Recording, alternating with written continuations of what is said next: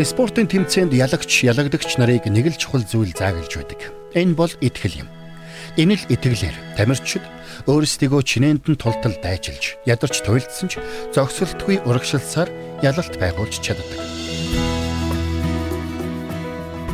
Тэгвэл хамтдаа нэвтрүүлгийн өнөөдрийн дугаараар доктор Чарлз Стенли бидэнд сүнслэг тулаанд ялалт байгуулахад шаардлагатай тэр итгэлийн талаар өгүүлэх болно. Гэхдээ энэ итгэл нь бидний авьяас бэлэг ур чадвараас хамаардаггүй. Зөвхөн бидний эзэн Есүс Христээс түүний хүч чадлаас хамаардаг юм. Ингээд хамтдаа Христийн сайн цэрэгт байх ёстой итгэлийн талаар шамдан суралцгаая.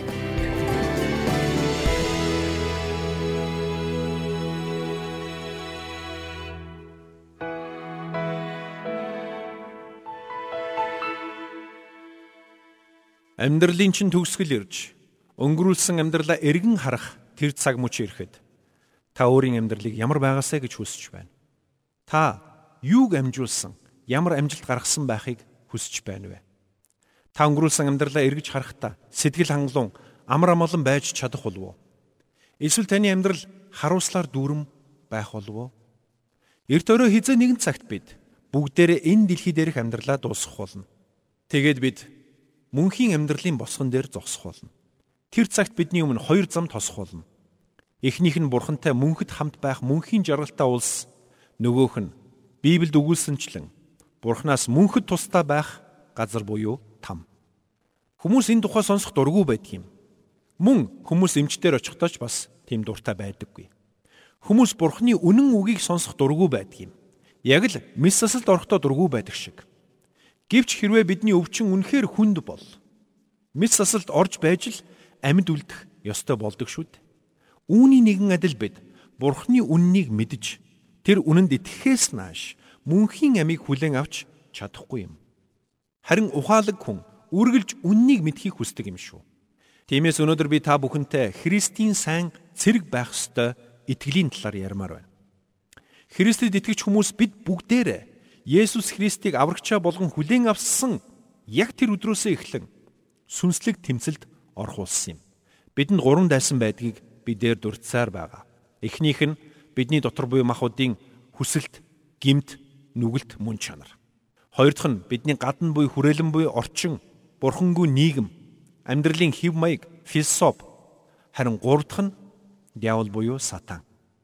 Бидний өнөөгийн бодит байдал энэ юм. Бид өдөр бүр энэ гурван дайсны эсрэг тэмцэлдэж байдаг. Илч Паул Тимотед хандан бичсэн 2 дахь цагтлынхаа төгсгөлд өөрийгөө итгэлээс сахисан замаа дуусгасан хэмээн дүгнсэн байдаг. Учир нь энэ дэлхий дээрх амьдрах цаг хугацаанд дуусч байгааг Паул сайн мэдэж байсан юм. Өмнө хэлсэнчлэн бидний хүнийг бүрийн энэ дэлхий дээр амьдрах цаг хугацаа хэмжээ хязгаартай. Харин үүний дараа биднийг юу хүлээж байгааг бид бодох учиртай. Энэ тухай Библиэд Еврей номын 9:27 дээр өгүүлэхдээ хүн ганц удаа үхэж дараа нь шүүгдэхэр томилогдсон юм а гэсэн байдаг. Тэгвэл үхэлдээ нүүр тулах тэр цаг ирэхэд та тэр цагт бэлэн байна уу? Ингээд хамтдаа 2 дугаар Тимотийн 4 дугаар бүлгийн 6-аас 8-ыг харъя. Паул Тимотед хандан инхүү бичсэн байна. Учир нь би хэдийнэ ундаан үргэлмэд асгагдаад явах цаг минь иржээ. Би сайн тэмцлэр тэмцсэн, замаа дуусгасан, итгэлээ сахисан. Урд минь зөвхт байдлын титэм надад зэхэгдсэн байна. Зөвхт шүүгч эзэн намайг тэр өдөр зөвхөн намайгч биш түүний үзэгдэхийг хүсэгч бүгдийг бас түүгээр шагнах болно гэсэн байна. Паул эдгээр үгсийг Ромын шоронд хоригдож байхдаа бичсэн. Ингэхдээ түүний амьдрал удахгүй төгсөх болно гэдгийг тэр маш сайн мэдэж байсан. Тиймээс ч Паул залуу өдөрдөгч Тимотед хандан бичгтээ урам зориг өгөхийн тулд дээрх үгсийг өгүүлсэн байна. Бидний саяын үнсэн хэсэгт Паул өөрийн үхэл болон амьдралыг эргцүүлэн бодсон байна. Тэмч учраас Паул энд учир нь би хэдийнэ ундаан үргэлмэд асгагдаад явах цаг минь ирсэн байна гэсэн юм. Ромын хүүтэн шоронд хоригдож байхдаа Паул удахгүй үхэн гэдгээ мэдэж байсан. Тэр Неро хааны өмнө нэг удаа зогссон юм. Харин энэ удаагийн шүүлт эцсийнх нь байх болно гэдгийг тэр амиа алдах болно гэдгийг Паул мэдэж байсан. Тиймээс ч миний амьдрал ундаан үргэлмэд асгагдана гэж хэлсэн юм. Үүний дараа үргэлжлүүлээд явах цаг минь иржээ Энд бичигдсэн явах гэдэг грек үгийг тухайн үед 3 4 өөр янзаар хэрэгэлдэг байсан. Жишээ нь энд гарч байгаа явах гэдэг үг нь майхнаа буулгаад нүүх гэсэн утгыг агуулсан үгсээр бичсэн юм. Хэрвээ энэ утгаар нь авч үзвэл Паул өөрийгөө миний майхнаа буулгаад нүүх цаг ирлээ. Би майхнаа буулгаад дараагийн аялалдаа гарлаа. Би өн мөнх рүү нүүлээ, одлоо гэж хэлсэн байгаа юм. Мөн цаашлбал энэ үгийн утга нь гав гинжтэй байж байгаад түүнээсээ сулрах гэсэн утгаар мөн хэрэгэлдэг байсан. Өөрөөр хэлбэл эрх чөлөөтэй болон суллагдах гэсэн утгаар ашигладаг байсан юм. Хэрвээ ингэж үзвэл Паул би энэ амьдралын шоронд хоригдож байгаад эрх чөлөөтэй болж мөнхийн улс руу эрх чөлөөтэй улс руу явлаа гэж хэлж байгаа гэсэн үг юм. Мөн энэ үгийг бомбд дээр бэхэлгээтэй зогсож байгаа хүлэг онгоц алсын аялалд гарч байгаа утгаар хэрэгэлдэг байсан. Хэрвээ тэгж үзвэл Паул энд би зангууга татаж бэхэлгээгээ салгаад өн мөнхийн задгаа далаа руу хөвлөө гэж хэлж байгаа гэсэн үг юм. Тиймээс Паулинд учир нь би хэдийнэ ундаан өргөлмөд асгагдаад явах цаг минь ирлээ гэж хэлсэн. Эндээс бид Паул үхэл болон амьдралыг хэрхэн харж байсныг ойлгож чадна. Улмаар тэр залуу Тимотед хандан Тимото би сайн тэмцлэр тэмцсэн юм а. Замаа дуусгасан юм а. Итгэлээ сахисан юм а гэж хэлсэн байна. Ингэж хэлээд араас нь Паул нэгэн чухал үгийг хэлсэн юм. Урд минь зөв байдлын титэм надад зэгцсэн байна гэж тэр хэлсэн байна. Хамтдаа Паулын эдгэр үгсийг анхааралтай уншицгаая.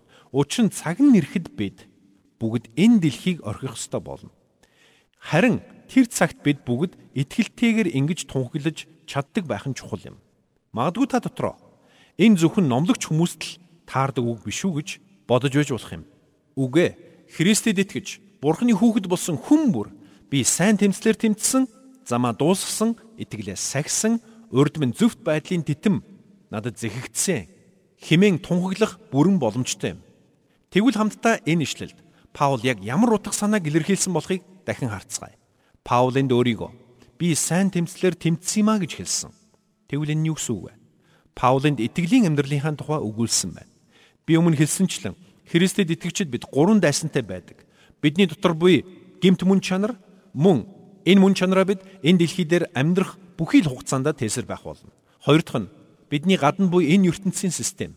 Энэ бидэнд нөлөөлж биднийг бурхны хүслийн дагуу биш харин энэ үеийн итгэл үнэмшлийн дагуу амьдрахаар нөлөөлж байдаг юм. Гурав дахь нь мэдээж диавол буюу сатан. Тиймээс би сайн тэмцлэр тэмцсэн гэдэг нь Паул итгэлийн амьдрал дахь сүнслэг тулааны тухай ярьсан гэсэн үг юм. Үнэхээр бидний итгэлийн амьдрал бол тулааны талбар юм. Бид өдөр бүр энэ тэмцэл тулаанд орж байдаг. Та бид өглөөс ирээд орноосоо босоход л диаволын дайралтын бай болж байдаг юм. Бүхэл өдрийн туршид би энэ сүнслэг дайралт донд амьдардаг юм.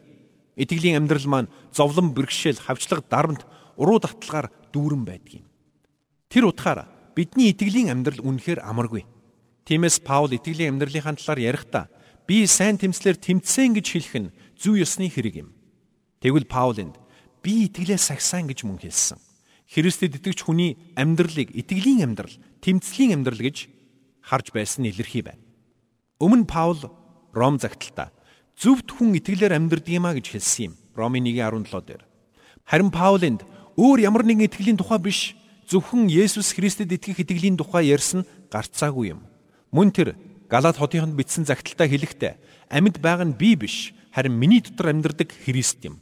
Идүүгээ мах удаа миний амьдарч байгаа нь намайг хайрлаж миний төлөө өөрийгөө өгсөн бурхны хүүд итгэх итгэлээр амьдарч байгаа хэрэг юм а гэж Галатын 2:20-д хэлсэн байдаг юм.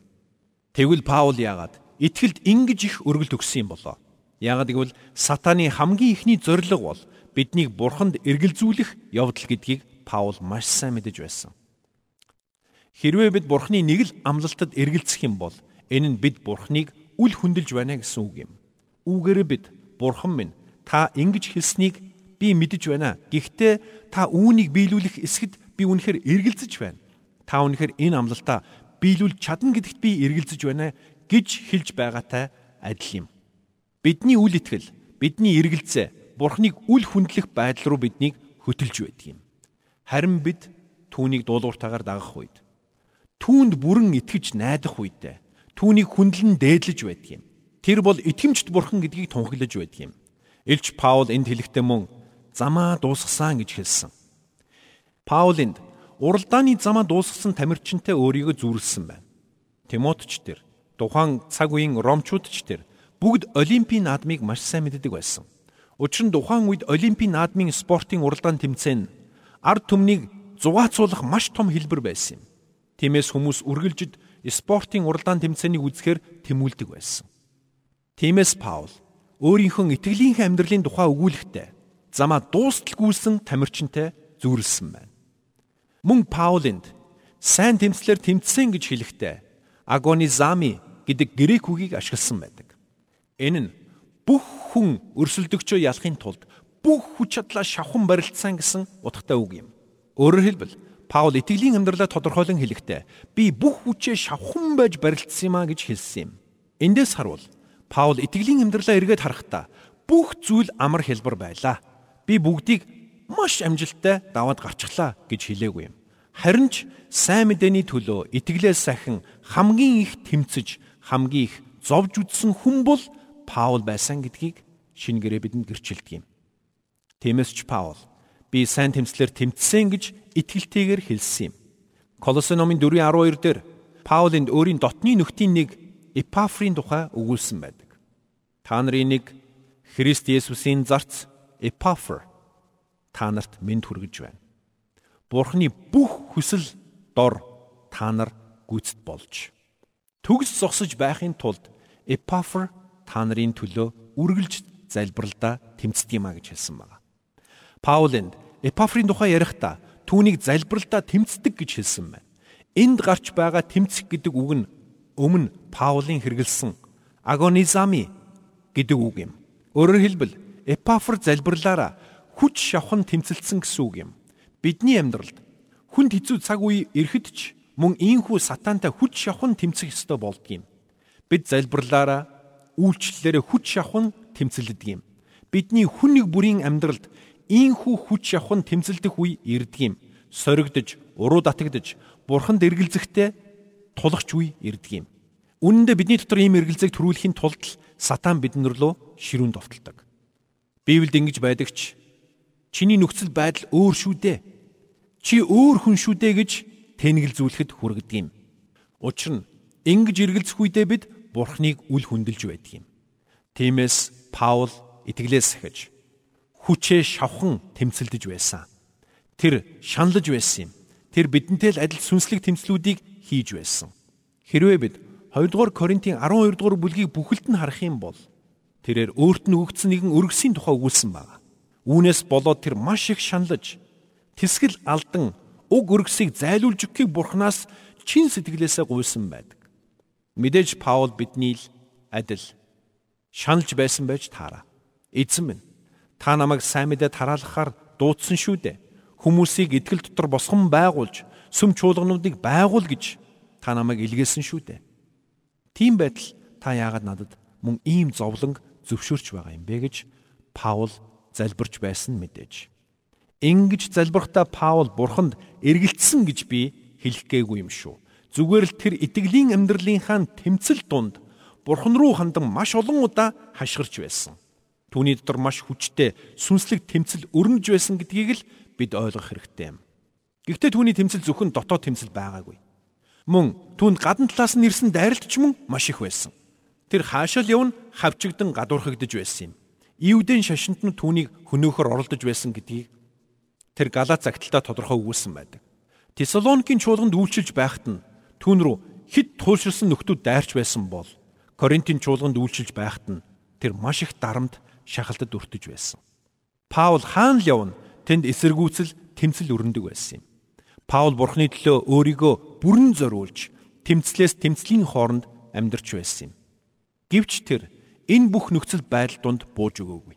Учир нь итгэлийн амьдрал бол бүхэлдээ сүнслэг тэмцэл гэдгийг тэр сайн мэдэж байсан. Гэхдээ Энэ бүх тэмцэлд эерэг тал байсан гэдгийг бид ойлгох ёстой. Тиймээс ч Паул би сайн тэмцлэр тэмцсэн гэж хэлсэн юм. Үнэн дээр тэмцэл бүхэн сайн байдаг юм бишээ.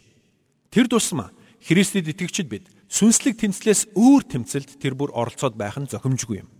Гэтэл Паулинд өөрийн хийсэн тэмцлийг сайн тэмцэл гэж нэрлсэн. Тэгвэл энэ тэмцэл юугаараа сайн юм бэ? Энэ тэмцэл бидний итгэлийг батжуулдаг Энэ тэмцэл биднийг Бурхны замаар тууштай алхахад тусалдаг юм. Энэ тэмцлийн улмаас бид Бурхан дотор илүү хүчрхэж байдаг юм. Галаар алтыг шалгаж цэвэршүүлдэг юм. Үүний нэгэн адил сүнслэг тэмцлийн шалгуурт орсон итгэжтийн итгэл босгон байгуулагдаж эзэн дотор илүү хүчрхэг нэгэн болж төлөвшдөг юм. Бидний итгэлийг өөр юу ч инхүү хүчрхжүүлдэггүй. Сүнслэг ширүүн тэмцлийн үр дүнд бид илүү хүчрхэгжиж бидний итгэл илүү гүнзгийрдэг юм. Тэр чигээрээ бид бурханд хэрэглэгдэхдээ улам бүр бэлэн болсоор байдаг юм. Нэгэн залуу бурхан намайг агуугаар хэрэглэсэ гэж би хүсч байна хэмээн хэлжээ. Харин нэгэн ухаалаг хүн түүнээс чи үнэхээр бурханаар хэрэглэгдхийг хүсч байна уу гэж асуужээ. Тийм ээ гэж тэр залуу хариулж. Тэгвэл чи цусаа урсдал тэмцхийг хүсч байна уу гэж нөгөө хүн дахин асууж. Мөнөөх залуу гайхаж үгүй гэж хариулж гин. Бурханд хэрэглэгдмээр байна уу? Тийм цусаа урсдал тэмцхийг хүсэж байна уу? Үгүй.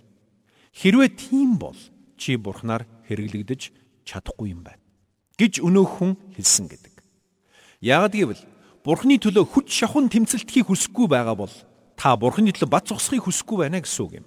Учир нь бурхны төлөө бат зогсохыг хүсэгч альва хүний амьдралд сүнслэг тэмцэл гарцаагүй ирдэг юм. Ингиж байж бид сүнсээр хүчрэгжиж итгэлээр батчдаг юм.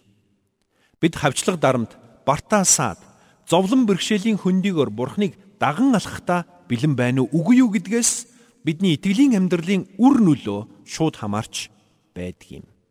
Үүнийг бид маш сайн ойлгох хэрэгтэй. Харамсалтай нь дээрх залууд байсан шиг хандлага олон итгэвч хүмүүст байдаг.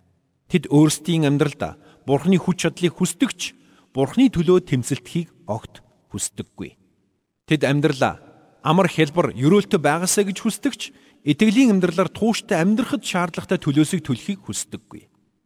Хэрвээ эзэн Есүс Христ өөрөө зовлон бэрхшээлийг туулж бидний төлөө загалмад цовдлогдсон юм бол Бурхны агуу зарц болох Илч Паул мөн л итгэлийнхэн төлөө зовлон эдэлсэн юм бол та бид ч бас итгэлийнхэн төлөө зовлон бэрхшээлийг туулахаас татгалзаж болно гэж юу. Учир нь миний өмнө хэлсэнчлэн хэрвээ бид Бурхны төлөө эцсээ хүртэл тэмцэлдэхтэй бэлэн байж чадахгүй юм бол итгэлийн амьдралдаа Бурхны хүч чадлыг бүрэн дүүрэн мэдэрч чадахгүй юм. Мэдээж энэ нь Бурхан бидний залбиралд хариулахгүй, бидний амьдралд сайн зүйл хийхгүй гэсэн үг биш ээ. Учир нь бидний Бурхан бол сайн Бурхан. Харин би энд Бурханы алдрын төлөө Бурханаар хэрэглэгдэх тухай ярьж байгаа гэдгийг та сайн ойлгоорой. Тиймээс Паулинд би сайн тэмцлэр тэмцсэн гэж хэлэхдээ энэ тэмцлийн хүнд хэцүүг дурсан санаа зогсохгүй. Энэ тэмцлээс ирэх эерэг сайн талуудыг ч мөн гэрчлэн хэлсэн юм. Паултай хамт мүр зэрэгцэн үйлчилж байсан гэдэг утгаараа Тимот ч мөн үүнийг нүдэрээ харсан дамжиггүй. Цааш нь үргэлжлээд харах юм бол би сайн тэмцлэр тэмцсэн гэж хэлснийхэн дараа Паул би замаа дуусгасан гэж хэлсэн юм. Өөрөөр хэлбэл Паул би амьдралынхаа төгсгөл дээр ирээд байна. Би барины зурвас дээрээ ойрхон ирээд байна. Миний үхэл намайг хүлээж байна гэж хэлсэн байна. Эндээс үзвэл Паул өөрийн амьдралыг гүйлтийн уралдаан мэтэр харж байжээ. Хэрвээ түүний амьдралыг уралдаан гэж үзвэл энэ уралдаанд барай байх нь гарцаагүй. Уралдаан бүрт өөрийн гэсэн зам байдаг. Өөрийн гэсэн барай байдаг юм. Зарим уралдааны зам нь уул хадыг дайрдаг бол зарим уралдааны зам нь тойрог хэлбэртэй байдаг. Гэхдээ та замаасаа гарвал уралдаанаас гарсантай адил юм. Тэгвэл Паул өөрийгөө уралдааны зам дээр байгаагаар харж байна. Тэрээр итгэлийн амьдралаа уралдааны зам хэмээн харж амьдралынхаа төгсгөлд би замаа дуусгалаа гэж хэлсэн юм. Тэгвэл Паулинд юуны тухай ярьсан бэ? Паулинд амьдралын тухай ярьсан байна. Тэгвэл танаас би нэгэн зүйл асууя. Хэрвээ таны итгэлийн амьдрал уралдаан юм бол та энэ уралдааны зам дээр гүйж явна уу? Эсвэл замаасаа гарчсан гүйж явна уу? Магадгүй та надаас миний уралдааны зам гэж юу юм бэ гэж асууж үж болох юм. Тэгвэл би танд хэлж өгье. Бурханд таны амьдралд хандсан төлөвлөгөө зориг гэж би. Бурхан таныг энэ дэлхий дээр төрүүлээд юу хүснээ хийж амьдраасаа гэж хэлээгүй. Мөн Бурхан бидэнд зүгээр л юу хүснээ хамгийн сайнаараа хийгээрэй. Харин юу хийхээ өөрөө мэдэрэй гэж хэлээгүй. Библийн хаач ингэж заагаагүй. Яагад гэвэл Бурхан бидэнтэй ингэж ерөнхийлсэн хэлбрээр харилцдаггүй юм. Харин Бурхан бидний хүнийг бүртээ тусгаалan ярьдаг юм. Бурхан Илч Паулыг дуудаад үүнийг хий гэж үүрэг өгсөн. Бурхан Есүс Христийн өмнө ч маш тодорхой зорилгыг тавьсан.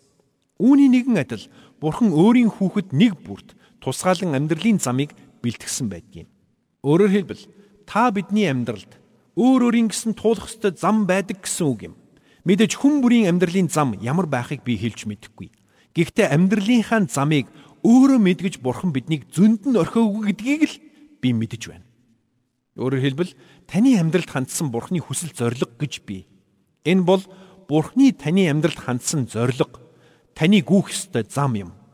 Таныг энэ дэлхийд мэдлэх үед бурхан танд маш тодорхой онцлог чанаруудыг өгсөн. Та өсөж төлөвшөх явцдаа эерэг болон сөрөг нөлөөллүүдээр дамжуулан өөрийн давтагдшгүй зан чанаруудыг бий болгодог. Мөн бурхан танд төрөлхийн авяас чадваруудыг өгсөн.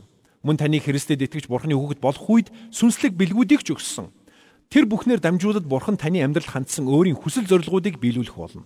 Тиймээс бид өөрсдийн ур чадвар авяас бэлгийг хурцлан хөгжүүлэх тусам бурханаар хэрэглэгдэхдээ улам бүр бэлэн болж байна гэсэн үг юм. Эндээс өөр нэгэн асуулт урган гарч ирнэ. Бид энэ уралдааны зам дээр хэрхэн гарч зогсдөг юм бэ? Бид анх төрөхдөө л энэ зам дээр гарч зогсдог гэсэн үг биш.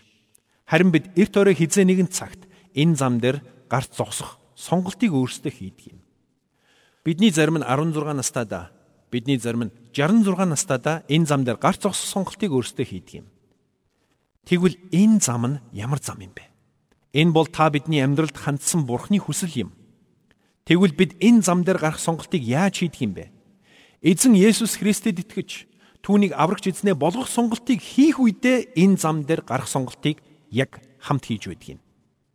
Есүс Христ таны төлөө загалмай дээр цовдлогдож таны төлөө цусаа урсган урсгасан цусаараа таны нүглийн төлөөсийг түлж загалмай дээр амиа өгсөн гэдэгт итгэх тэр мөчөд та Бурхны хүүхэд болох болно.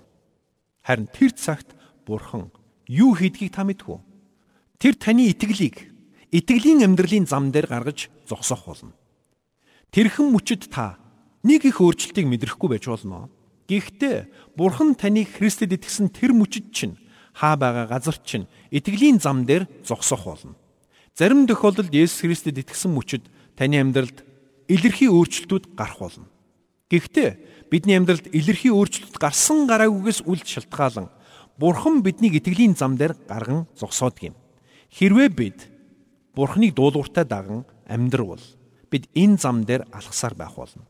Эсвэргээр бид амьдралынхаа хуучин хэв маяг руу ухарч альва шийдвэрүүдийг Бурханы хүслийн дагуу биш өөрийнхөө хүслийн дагуу хайж хийж эхлэх үед итгэлийн замаасаа хазааж байдаг юм. Өөрөөр хэлбэл өөрсдийнх нь амьдралд хандсан Бурханы хүслийг дуулууртайгаар даган амьдрч буй бүх хүн итгэлийн зам дээр гүйж явна гэсэн үг. Тэгвэл та нэг зүйлийг бодоод үзээрэй. Бурхан таныг энэ итгэлийн зам дээр гарган зогсоосон байхад уралдааныхаа замаас гарч тэнэж төөрч явсаар хамаг цагаа барах нь хайрын биш гэж юу? Тэгэд бүх зүйлс оройтсон хойно үүнийгэ ухаарах нь үнэхээр харамсалтай. Гэтэл өнөөдөр маш олон хүн яг ийм байдлаар амьдарч байна. Тэд бурханд итгэж бурхныг таньж мэдсэн хэрнэ Бурхны хүслийг мэдхийн оронд замаасаа хазаан өөр замыг хөн амьдарч байна. Хэрвээ бид Библиэс харах юм бол хүн ганц удаа хүч дараа нь шүүхтгэр томилогдсон гэж Еврей 9:27 дээр хэлсэн байдаг юм. Энд бичгдсэнчлэн цаг нь ирэхэд бид Бурхны өмнө амьдралаа тайлагнах болно. Тиймээс энэ амьдралдаа бид Бурхны хүслийг дуулууртай дагаж итгэлийн замаар тууштай замнах нь амин чухал зүйл гэдгийг бид ойлгох хэрэгтэй. Тэгвэл итгэгч хүн замаасаа хизээч хазаахгүй гэж ойлгож болох уу? Үгүй ээ. Тийм биш. Бид бүгдэд замаасаа хазаан төөрөх үе эрт орой хизээ нэгэн цагт заавал тохиолдно. Гэхдээ бурхны хүүхэд болсон бид замаа эргээд маш хурдан болтгийм. Яагад гэвэл бид энэ амьдралыг ганцаараа туулдаггүй. Бид энэ уралдаанд ганцаараа гүйдэггүй. Яагад тэрвэ? Бид Библиэс үзвэл ариун сүнс бидний дотор оршдгийм. Тэгвэл тэр ариун сүнс юу хийдэг вэ? Тэр биднийг уралдааны замд маань өдөрт нь чиглүүлдэг юм. Хэрвээ бид замаасаа хазаавал тэр биднийг ятгаж эргүүлдэг юм. Бид урам хугарах үед тэр бидэнд уралдаанаа үргэлжлүүлэх урам зориг өгдөг юм. Биднийг ядарч туйлдсан үед тэр бидэнд цааш алхах гүйх эрч хүчийг өгдөг юм. Биднийг бүдэрч унах үед тэр бидэнд Бурхны уучлал, өршөөл, тэврэлтийг сануулдаг юм. Тэр бидэнд урам өгч, уралдаанаа бүү зогсоо, урагшаа явсаар бай. Барианы зурвсыг ширтэн хар. Барианы зурвс ойрхон байна. Нэг л өдөр чи тэнд хүрэх болно химэн зоригжуулсаар байдгийг. Хэдийгээр бидний сүнслэг тэмцэлд хэмжээ хязгаар үгүй юм шиг санагдаж болгоч. Бид тууштайгаар урагшилсаар байх хэрэгтэй гэдгийг доктор Стенли бидэнд сануулж байна.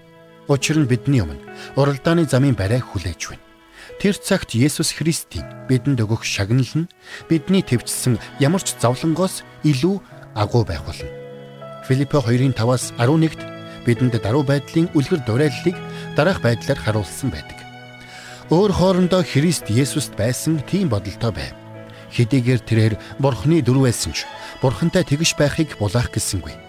Харин өөрийгөө юу ч үгүй болгон боолын дүрийг авч хүнтэй адил болжээ. Хүн төрхийг олсон тэрээр өөрийгөө мөхөс болгож үхэлд загалмайн үхэлд хүртэл дуулууртай байв. Тиймээс ч бурхан үлэмжийн дээдээр түүнийг өргөмжилсөн бөгөөд алив нэрээс дээд нэрийг түүнд сойрхов. Энэ нь Есүсийн нэрд Тэнгэр, газар дээр, газрын доорх бүгд өвдөг сөгдөж, Бурхан эцгийн алдрын төлөө Есүс Христ бол эзэн гэж хэл бүхэн хүлээн зөвшөөрхийн учраажээ. Тиймээс хамтдаа эзэн Есүс Христийг дуурай. Итгэлийн замдаа даруугаар өргөшилцгаая.